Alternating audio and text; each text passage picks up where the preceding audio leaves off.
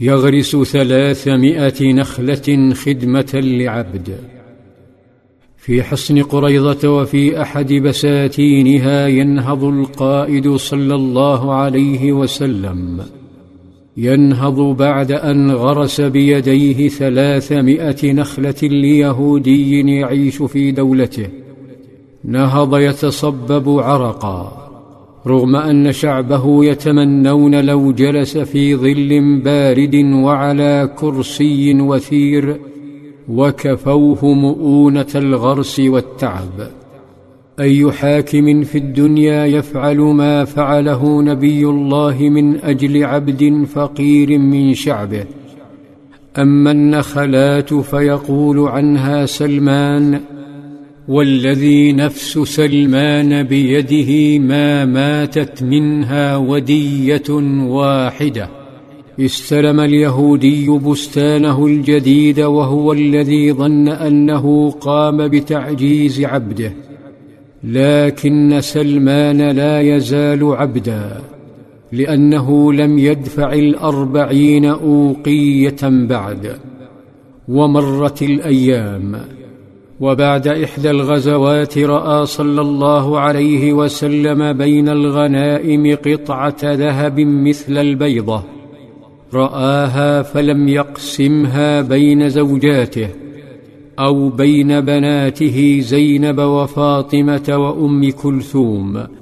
فحين يرى صلى الله عليه وسلم الذهب يتذكر فقراء الشعب.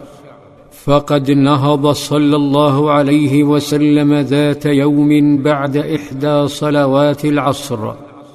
نهض يتخطى رقاب الناس سريعا حتى تعجب الناس لسرعته فتبعه بعض أصحابه فدخل على بعض أزواجه ثم خرج فقال إني ذكرت وأنا في العصر شيئا من تبر كان عندنا فكرهت أن يبيت عندنا فأمرت بقسمته.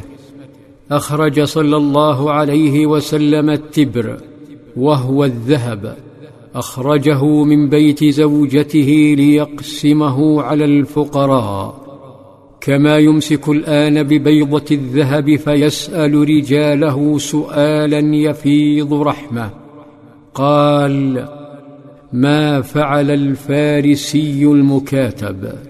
فكانت الإجابة أن انطلق رجل نحو حصن قريضه يبحث عن ذلك العبد الفارسي الذي خفق له قلب القائد صلى الله عليه وسلم.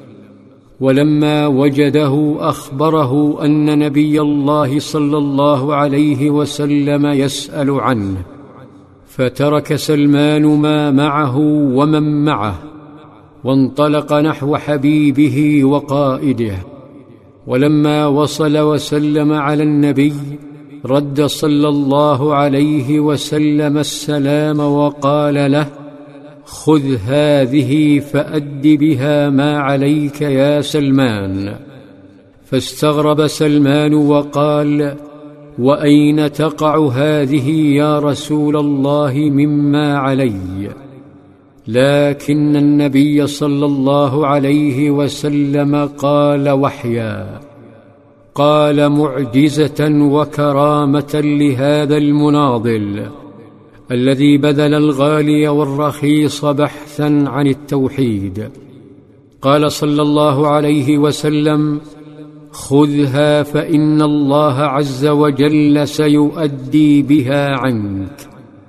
أخذها سلمان وصار يقطع لليهودي منها أوقية أوقية وهو مذهول مما يراه بعينيه ويلمسه بيديه.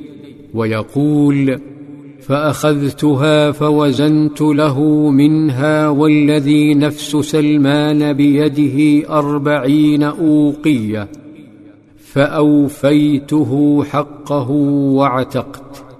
تنفس سلمان هواء الحرية من جديد فكان ذلك اليوم أسعد أهل الأرض.